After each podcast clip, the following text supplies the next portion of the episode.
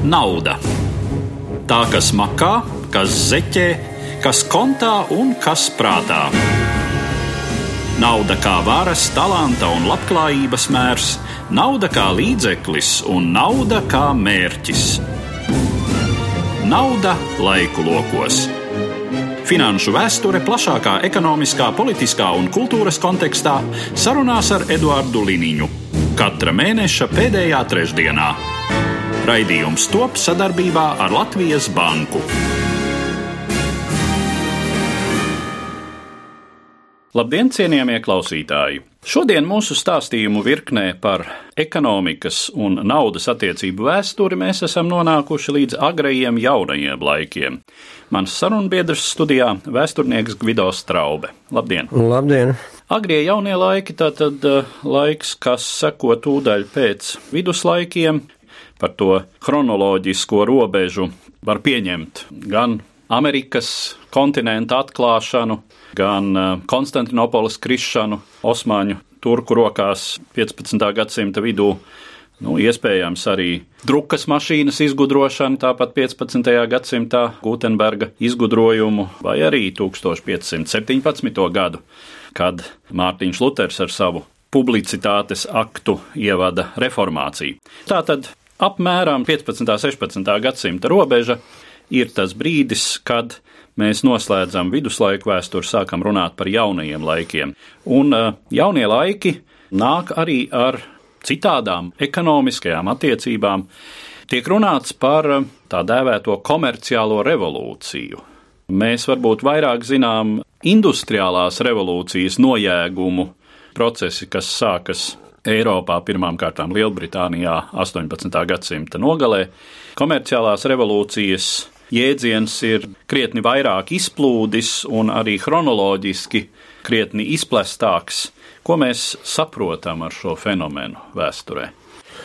15. un 16. gadsimta mija ir ļoti vētraini, un laikam tie divi fakti, kurus jūs pieminējāt, tātad 1492 Gutenberga drukājumā mašīna un 1517 Lutera reformācija. Tās jau ir divas kopā saistītas lietas, jo Pastāv tāds ļoti labi argumentēts uzskats, ka bez drukājumās mašīnas Lutera reformācija, ja Lutera idejas nebūtu uzvarējuši. Tā kā šīs divas lietas ļoti labi kopā iet un iedzīmē faktiski šo pārēju no viduslaikiem uz agriem jauniem laikiem.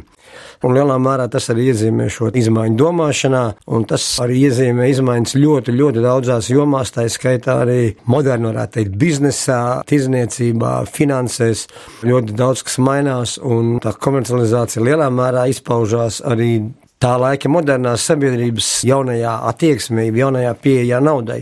Jo ja līdz šim nauda vairāk pastāvēja kā tāds mērs, kā var samērīt vienu preci pret otru, un pamatā tomēr lielā mērā dominēja maiņas tirzniecība, ja mēs ņemam mums tuvāko Rīgas piemēru, Rīdzinieki pārdeva uz rietumiem labību, koku materiālus, ādas, pretīm adekvātā daudzumā saņēma attiecīgi siļķis, sāli, izstrādājums dārgus, un nauda varbūt parādījās tikai ļoti reti kaut kur. Tad faktiski ar pēcreformācijas laiku mēs arvien biežāk redzam, ka tirgotājs ar tirgotāju tirgojās, un visur pirmkārt darbojās nauda, un līdz ar to tas ir arī lielā mērā tāds starta šāviens banku attīstībai, jo, ja mēs paskatāmies kaut kādas darījuma sarakstus, kas arī ir ļoti labi dokumentētas agro jauno laiku posmā, tad mēs redzam, ka arvien vairāk un vairāk tirgotāji norēķinās caur bankām. Līdz ar to bankas nauda arvien vairāk sāk spēlēt būtisko lomu, noteicošo lomu šajā komercijā. Un tas, laikam, ir arī diezgan labi saprotams, jo komercijas, jeb šī biznesa apjoma pieaugums šajā laikā 16., 17. un 18. gadsimtā attīstās ļoti lielos tempos. Mēs paskatāmies uz to pašu labi zināmo Rīgas ostas aktivitāti sezonā, tad mēs redzam, ka no 16. gadsimta vidus līdz beigām kuģu apgrozījums ostā pieaug. Dabiski atkarīgs no tās statotiskās politiskās situācijas, ja ir kari, tad noplūkt apjoms arī dabiski gadās īsākas vasaras, respektīvi īsāka navigācija arī ir tie apjomi mazāki, bet jebkurā gadījumā mēs redzam, ka apmēram starp 16. gadsimta vidu un beigām tas kuģu apjoms pieaug un jā, gadsimta vidū tie kaut kādi 140 kuģi vidējai sezonā, tad gadsimta beigās tas jau ir pār pa 200. Un pēc tam nākošos gadsimtos līdz pat 18. ieskaitot, mēs redzam, ka līdz Franču revolūcijai tie apjomi jau sāk sasniegt apmēram 900 kuģus sezonā, kas ir būtisks apjoms. Un jāņem vērā arī tas, ka pieaug arī šo kuģu kraunesību, līdz ar to tā prece, tās mantas, kurām visām dabiski ir kaut kāds segums arī naudā, to kustība būtiski pieaug, kas ļoti labi raksturo, ka šī sabiedrība kļūst arvien vairāk tendēta uz iesaistīšanos pirkšanas un pārdošanas procesos. Dabiski te nāk arī tas aspekts klāt, ka sabiedrībā arvien vairāk parādās liekie līdzekļi, kas viduslaikos faktiski bija ļoti reta parādība. Cilvēki nopelna vairāk nekā viņiem nepieciešams tērēt, lai sevi pabarotu un sevi apģērbtu. Līdz ar to arvien vairāk pieaug arī pieprasījums pēc tādām precēm, kas varētu signalizēt pārējai sabiedrībai par attiecīgā individuālu labklājību, kas viduslaikos varbūt bija tikai valdnieku, biskupu, arhibīskapu privilēģijā zīmēties, jeb izrādīties ar kaut kādām dārgām lietām. Tad agros jaunos laikos jau pieaug to cilvēku masa, kuri var sākt atļauties demonstrēt kaut kādu savu labklājību. Un tas notiek pirmkārt caur apģērbu, caur rotas lietām, caur mājas iekārtojumu, un tas arī sekmē to kopējo biznesu. Līdz ar to pieaug pieprasījums pēc luksus precēm, pēc juvelieru izstrādājumiem, apģērbiem, un veidojas tāda lavīna, kur šī komercija pieaug un vairāk un vairāk. Kas tad noteica tobrīd notikušo Eiropas izraušanos ārpus geogrāfiskās telpas, kurā tā bija pastāvējusi visus viduslaikus, tātad teju tūkstošus gadus. Katrā ziņā kopš 7. gadsimta, kopš islāma izplešanās tojos austrumos, Eiropas telpa noslēdzās ar vidusjūru, Kas ir tie iemesli un kas ir tie faktori, kas nosaka? Laikam, tur jāpiemina būtu vairākas lietas. Viena lieta dabiski ir šī cilvēkiem iedzimtā ziņkārība varētu arī izmantojot latviešu literatūru, teikt par dūla daugas sindromu. Ieskatīties tur pāri, apvēsim, kas tur tālāk ir. Jo šī ziņa, jeb interese, ir viens varbūt no tiem virzītājiem spēkiem, kāpēc spāņi, portugāļi, itāļi, vēlāk arī angļi dodas tālos ceļojumos. Otra lieta, tas dabiski ir cilvēka prāts. Tas kļūst ar vien gudrāks, ar vien zinošāks, un dabiski tie atklājumi gan astronomija, gan pasaules uzbūvē deva šos norādījumus. Zeme ir apaļa, tātad ir iespēja braucot apkārt zemeslodē nonākt pie mērķa, varbūt arī krietni ātrāk nekā tas tika darīts līdz šim. Dabiski arī būvniecības attīstība visdažādākajās jomās, gan ēkās, bet jau sevišķi kuģu būvē, deva vien drošākus, vien stabilākus kuģus, kas varēja kuģot vien tālāk un izturēt smagus pārbraucienus. Līdz ar to sasumējas daudzas lietas. Dabiski arī šī ideja pēc nezināmām, ļoti bagātām zemēm tika mēģināt šo ideju atrisināt ar tām iespējām, ko piedāvāja tā laika progress. Tas viss deva sprādzienu un dabiski tas, kā dažas Eiropas valstis nonāca pie šiem pasakainiem zelta krājumiem, ko deva Latvija Amerika. Tas arī bija tāds, nu, zināmā mērā, trieciens pa visu Eiropas komerciju, un varbūt kaut kādā momentā uzmeta to pašu Spāniju, to pašu Portugāli, Viļņa augšgalā.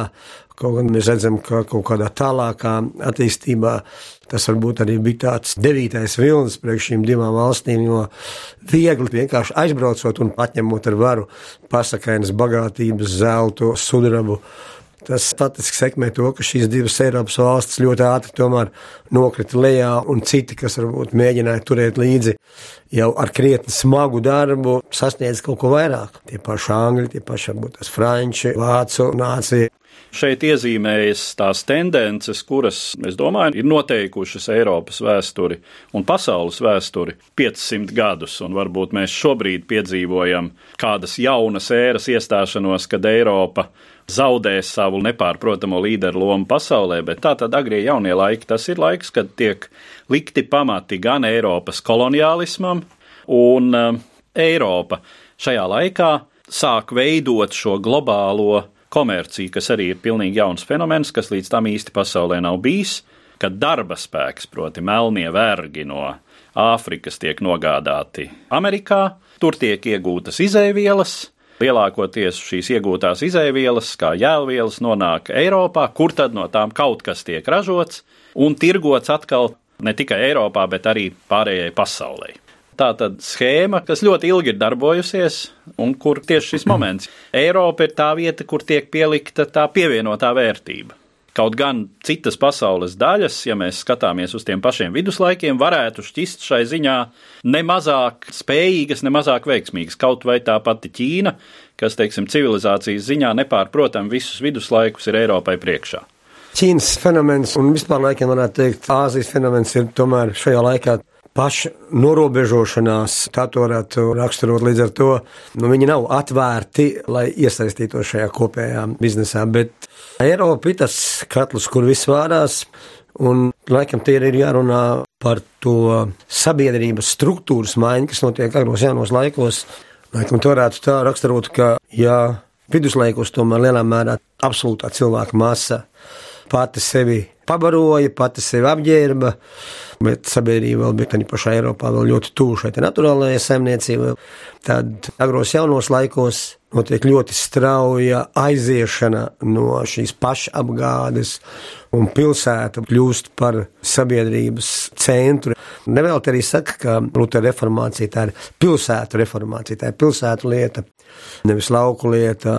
Sāk strauji pieaugt tā cilvēku masa, kura ir jāpabaro un ir jāapģērb. Tas arī sekmē šo komercializāciju, ražošanas attīstību, lai tad ielāstos kaut kādās komercijas nišās un konkurētu, kaut vai paskatāmies tāda pati interesanta lieta, kā tas pats porcelāns, ko mēs visi sakam, jā, Ķīnas porcelāns.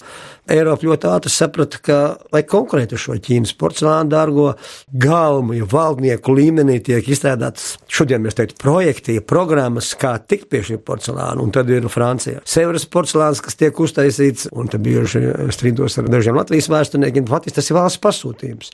Tas ir monarha, varu teikt, investīcija idejā, lai tu monopolizētu un labi pelnītu visas Eiropas līmenī.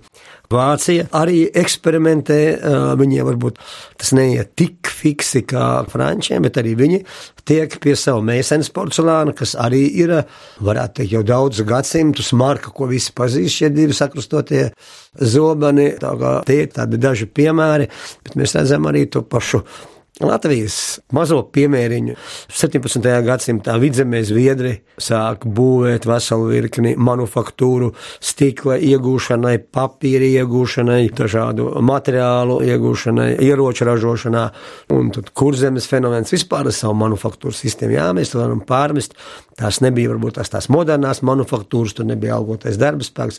Nu, faktiski viena liela daļa Rietumē Eiropas manufaktūras, kā izrādās, arī ir darbojušās uz šo piespiedu piespiedu darba spēka izmantošanu, kur tad tiek izmantot vai nu sodītie cilvēki, jeb arī no īpašumiem kaut kādiem. Līdz ar to tas kurzemes fenomens, ko bieži tas pats Dunsdors un citi vēsturnieki ir kritizējuši, nemaz nav tik provinciāls, ja tik nepareizs. Tas ir diezgan tipisks daudzām Rietumēropas valstīm un ļoti klasisks. Ir jāražo, jo ir iespējas pārdot.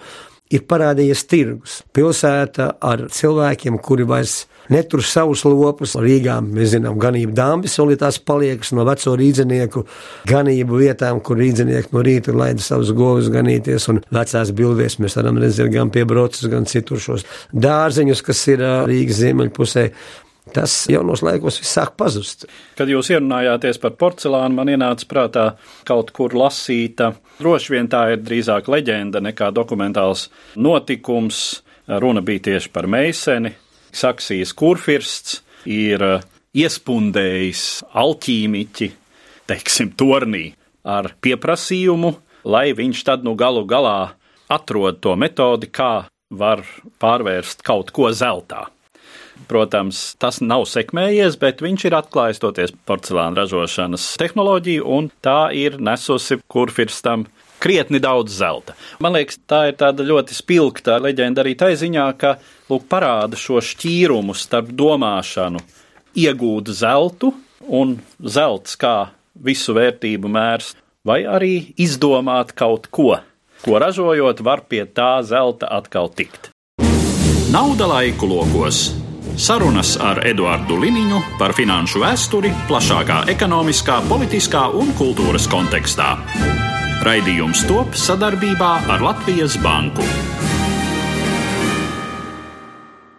Zelts ir tā laika pielūgsmes objekts, laikam tā varētu teikt, jā, un dabiskā Amerikas atklāšana būtiski izmainīja zelta cenu un daudzumu, un arī popularitāti laikam Eiropā.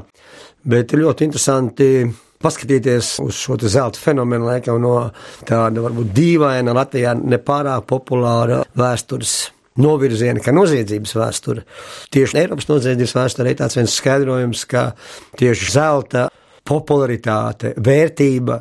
Tieši agros jaunos laikos sekmē zelta priekšmetu zakšanu, jo agrāk zagļi laupītāji nav bijuši tik ieinteresēti zeltā un sudrabā, bet tieši agros jaunos laikos zelta sāk uzkrāties mājās, ja bagātie pilsoņi ir demonstrēt, ka viņiem ir zelta galda piedarumi, to viegli nosakt.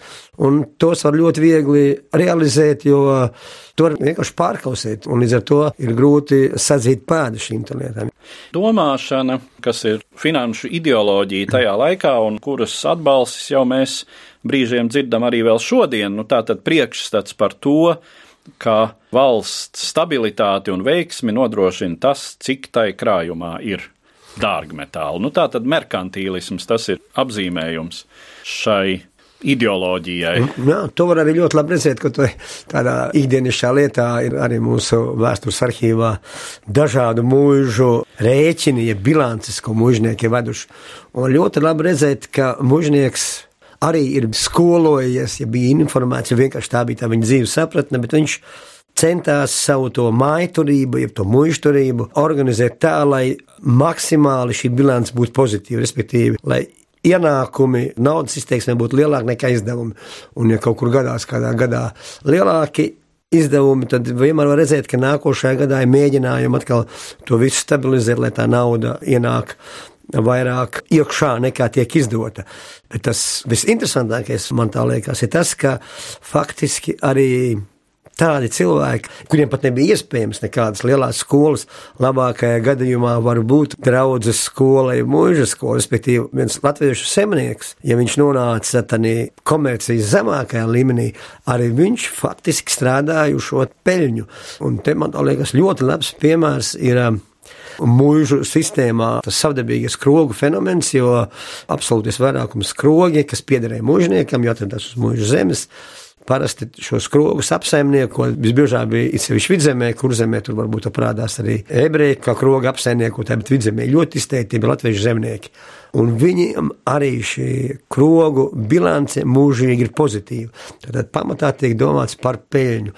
Līdz ar to peļņa kļūst par tādu varbūt pielūgsmes objektu, ja mērķu, uz ko sabiedrība vien vairāk un vairāk sāk tiekties jau šajos agrējos jaunajos laikos. Kādreiz jums ir kāda strīdi par to, vai biznesu var veiksmīgi realizēt arī cilvēks, kas nav studējis ekonomiku, biznesa zinības, tad vienmēr es saku, Latvijas zemnieks ir šim manam uzskatam ļoti labs pierādījums, jo viņš mācīja taisīt šo veiksmīgo biznesu, jo tā matemātika ir samērā vienkārša. Ienākumi ir lielāki par izdevumiem, jeb šis merkantilisms tādā primitīvākā formā mūsu ikdienā, maisaimniecībā, ja mēs to ievērojam, tad katrs nākošais rīts varbūt ir labāks nekā iepriekšējais. Alternatīva šim, protams, ir kredīts.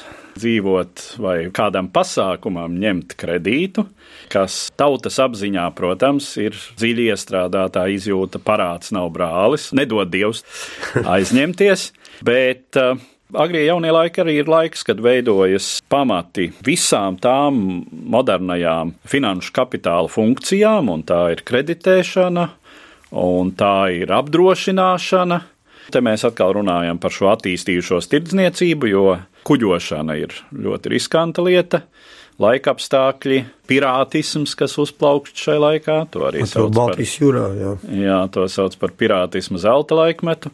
Tāpēc veidojas kopu uzņēmumi, kad tiek likts kapitāls kopā, lai tas būtu lielāks, līdz ar to stabilāks. Veidojas apdrošināšana. Nu, faktiski viss tas, finanšu pakalpojumu spektrs, kam ir jānodrošina komercijas stabilitāte. Runājot par kreditēšanu, laikam te arī notiek ap jauno laiku sākumu liels lūzums Eiropieša domāšanā. Kreditēšana, jā, tas tirgotājs pamatā sāk, laikam, ir viens no pirmajiem blakus valdnieku namiem. Tirgotāji tie, kas iesaistās šajā kreditēšanas sistēmā, dabiski tā laika kreditēšana nav šodienas mazie īslaicīgie kredīti, kas varbūt pat brīžiem man pat bārtē, bet varētu ruinēt latviešu nāciju. Bet tirgotājiem jā, lai viņš dabūtu preci, banka viņam nosponsorē, jau nokreditē šo preci iepirkumu kaut kur ārzemēs, tālāk jau kuģinieks, jeb rēders, ir tas, kas to preci atved uz Rīgu, un Rīgā jau realizējot, pēc tam tā nauda tiek ar kaut kādiem procentiem atdota, un atkal jāpiemina Latvijas valsts vēstures arhīvs, ir milzīgi sējuma tirgotāju vēstulēm, kur man tā liekas, vismaz trešdaļa vēstules iet uz bankām, kur tiek runāts par kredītiem, par aizdevumiem, par vekseļiem, tad šī naudas plūsma kļūst ar vien lielāka un lielāka.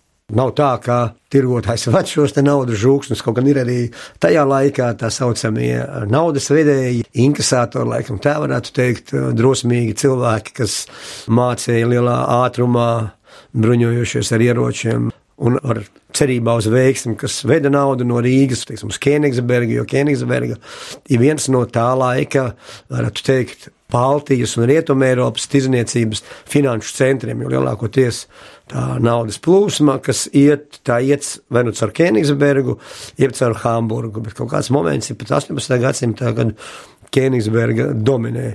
Dabiski jāņem vērā, ka arī toreiz, agrajos jaunos laikos, nesaprātīga aizņemšanās arī sekmēja to, ka ik pa laikam cilvēki nonāca bankrotā. To mēs ļoti labi varam redzēt jau agro jauno laiku beigu posmā, 18. gadsimtā ka viena liela daļa mūžniecības dzīvo uz parāda. Bija kādreiz Latvijā tāds ekonomikas vēstures pētnieks, profesors Darušenko, manu doktora darba vadītājs, kurš savos pētījumus bija secinājis, ka liels daudzums kurzemes guberņas ir bijušos hercogis mužnieku, esot bijuši pārāk nesaprātīgi kredītu ņēmēji, un viena liela daļa šo mūžu bijusi ir faktiski apķīlētas.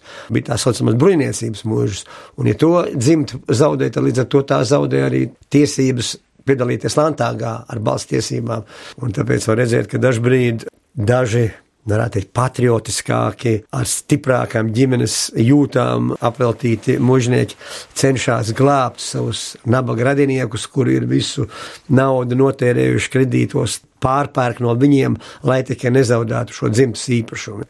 Kādi šie agrie jaunie laiki izskatās mūsu reģionā? Latvijā, Baltijā viduslaiku beigas varam iezīmēt ar Livonijas karu, teritorijas sadalīšanu starp kaimiņu lielvalstīm administratīvi, politiski, jā, tad, tad Livonijas karš ir tas, kas beidzot pieliek treknu krustu Livonijas konfederācijai, un tad ir kurzems hercogistē, un, un ir uh, vidzeme, kas vienā momentā ir poļiem, pēc tam zviedriem, un pēc tam 18. gadsimtā Krievijas impērijai, un inflantija Blatgal, kas ir ilgu laiku pie poļiem un tikai pēc tam saistībā ar polijas dalīšanām nonāk Krievijas impērijas sastāvā. Tāpēc arī jāņem vērā tas, ka Rīgas specifiskā vieta, kā diezgan liela reģiona, tirzniecības, jeb komercijas centrs un tās izmaiņas kopējā Eiropas un pasaules komercijā arī sekmē to, ka Rīga straujāk sāk augt un, un ja varbūt līdz viduslaikiem viņa vēl netik ļoti apsteidz savus partnerus tuvākos, kaut arī to pašu Tallinu, jeb Rēveli, tad tieši agros jaunos laikos Rīga aizskrien Rēvelē pa priekšu, un mēs dažbrīd braucam uz Tallinu priecāties par to vecpilsētu, kas Rīgā vairs nav. Bet tas ir pierādījums Tallinas atpalicībai, jo viņa faktiski pēc Livonijas kara ir diezgan, lai neapvainojās Igauni, bet tomēr nīkulīga pilsēta attiecībā pret Rīgu līdz pat 20. gadsimtam. Pēc Livonijas konfederācijas sabrukuma būtiski izmainās arī tā populārā zemniekošanas veida, ja lauksaimniecības nianses, jo tieši šo laiku mēs varam runāt par to klasisko mūžu, ar ko bijuši latviešiem, ir saistītas tādas nepārāk labas atmiņas, klaušu laiki, dzimbūšana un mājas pārmācība un zemnieki bēgļi un zemnieku sodīšana, pirkšana un pārdošana un tā tālāk un tā joprojām. Bet tieši šajā laikā mūža izveidojās un te ir daudz diskusijas, bet manuprāt, un to arī uzsver arī daudzi Rietumēropas vēsturnieki, ka tieši tā klasiskā mūža, kas izveidojās 16. gadsimta beigās, 17. gadsimtā, tā izskaitā ar dzimbūšanu, toreizējos situācijā pie toreizējās tiesiskās regulācijas bija tas veids, kā nodrošināt veiksmīgu lauksaimniecības funkcionēšanu un arī vienlaicīgi sabiedrības pabarošanu, kaut kādu rezervi uzkrāšanu, bada gadiem, kas toreiz bija krietni, krietni biežāk. Ar kolēģiem spriedām, ka Iespējams, ka viduslaikos, varbūt pat 17. un 18. gadsimtā pagājušā gada vasara rezultētos šā gada bada gadā, jo tie uh, apstākļi bija super slikti, daudz palika uz lauka. Tad toreiz tās bija beigas, faktiski tas bija turpmākie viens, divi smagi gadi, kamēr sabiedrība atkopjās. Bet mūža saimniecība bija tas garants, kas tomēr mācīja koncentrēt to potenciālu. Mūža bija tā ļaunā, bet te varētu teikt pēdiņās ļaunā, kura tad arī tanos bada gados faktiski nodrošināja gan savu lauku apsēšanu, gan faktiski arī zemnieku lauku apsēšanu. Pēc tam mēs redzam, jā, parādās jau tā ideja 19. gadsimtā par šīm magazīnām, kur zemniekiem piespiedu kārtā jānodod labība, bet faktiski mēs redzam 17. un 18. gadsimtā mūža ir tā, kas glāb cilvēkus no totālā bada. Tā mūža saimniecība un tās funkcionēšana dotajos apstākļos bija dabiski iespējama tikai caur dzimbūšanu, caur šo piespiedu darbu. Un, nu, mums ir šie stereotipi par dzimbūšanu kā ļoti nežēlīgu lietu, bet ir jau zinātnieki konstatējuši, ka klaušu, kā slikto klaušu sindroms, tas izrādās ir 19. gadsimta bērns, nevis to veco piespiedu klaušu uh, rezultāts, jo pietiek paņemt tās pašas sarklu revīzijas viedru laiku. Mēs redzam, ka klaušu sistēma pietiekoši draudzīgi zemniekam, respektīvi, ja zemnieks ir jaunatnācējs, tad viņš ir brīvs no klaušām, no nodevām, no nodokļiem. Arī mužnieks ir pietiekoši saprātīgs un viņam ir izdevīgs, spēcīgs zemnieks, kuram ir labi funkcionējuša saimniecība, kurš pabaro sevi, un viņam vēl paliek laiks arī strādāt mūžā. Līdz ar to viņš zemniekam dod trīs brīvības gadus, kuros tad, tad var attīstīt savu saimniecību, nu, un pēc tam jau tad attiecīgi no tā saimniecības potenciāli, tad tiek noteikts klaušu un nodevu apjoms. Šajā ziņā pat mēs varētu teikt, ka Zviedri bija humānāki pret latviešiem nekā mūsu šodienas valdība pret saviem pavalsniekiem, jo šodien, ja kāds Latvijas grib uzsākt biznesu, tad viņam nodoklis jāmaksā ar pirmo, varētu teikt, biznesa dienu. Tur arī daudz saprātīgumu, jo tas pats mužnieks, viņš grib tomēr arī ieraudzīt nākošo dienu, nevis šodien izdzīto zemnieku, un pēc tam sagaidīt, ka viņš naktī nikns un izbadējies un ļauns nāk viņu un likvidē. Tieši tā nāk pēc viņa galda sudraba. Pie viena arī. Noslēdzot mūsu sarunu, ja mēs paskatāmies uz Baltiju tajā laikā, un varbūt uz Ziemeļaustrumu Eiropu plašāk, vai var teikt, ka tas ir brīdis, kad notiek zināma tāda Rietuma Eiropas izraušanās uz priekšu un šī reģiona palikšana iepakaļ ekonomisko, sociālo attiecību ziņā? Nu, labs jautājums. Es domāju, gan jā, gan nē. Kaut kādās jomās dabiski, ka mēs esam tālu no centra un daudzas lietas te nāk ar kavēšanos. Tad pašā laikā, teiksim, agros jaunos laikos mēs redzam, ka apgaismības idejas un daudzas lietas, kas ir Rietumē Eiropā tipiskas ar apgaismību, Šeit Baltijā gan izvēl vienlaicīgi. Ir lietas, kas te neatnāk, kas iezīmē šo provinciālismu, bet arī pašā laikā arī tomēr tas dzīves temps tabiski mainās un tā cilvēku mobilitāte mainās. Ir absolūti smidīgi kontrolēt visu. Un līdz ar to ir tāda laba lieta, kā pasta stācijas uz robežām, kur tiek fiksēts ik viens ceļotājs. Izpētot pasta stāciju grāmatas, mēs varam konstatēt ikvienu cilvēku, kas kaut kur ir braucis. Un tās grāmatas ir milzīgas. Tā mobilitāte ar šajā laikā būtiski pieaug. Un līdz ar to es domāju, ka daudzas tās lietas, kas ietumē Eiropā, ir zināmas, tās nonāk arī Baltijā. Ir arī jāņem vērā tas fenomens, ka 18. gadsimtā, jeb agro jauno laiku beigās, pamazām Baltija nonāk Krievijas impērijas sastāvā. Milzīgās bagātības, kas ir Krievzemē, tās arī sāk, gribot, negribot, pievilkt tos cilvēkus, kas grib kaut ko nopelnīt. Arī pirmie latviešu biznesmeņi Steinhaveri faktiski to lielo naudu uztaisa uz Krievijas tirgu. Kaut kur varbūt jā, mēs kopējam Berlīnas, Parīzes kaut kādas modes, bet arī pašā laikā ir kaut kādas lietas, kur mēs varbūt varam pārējai Eiropai demonstrēt kaut kādu savu.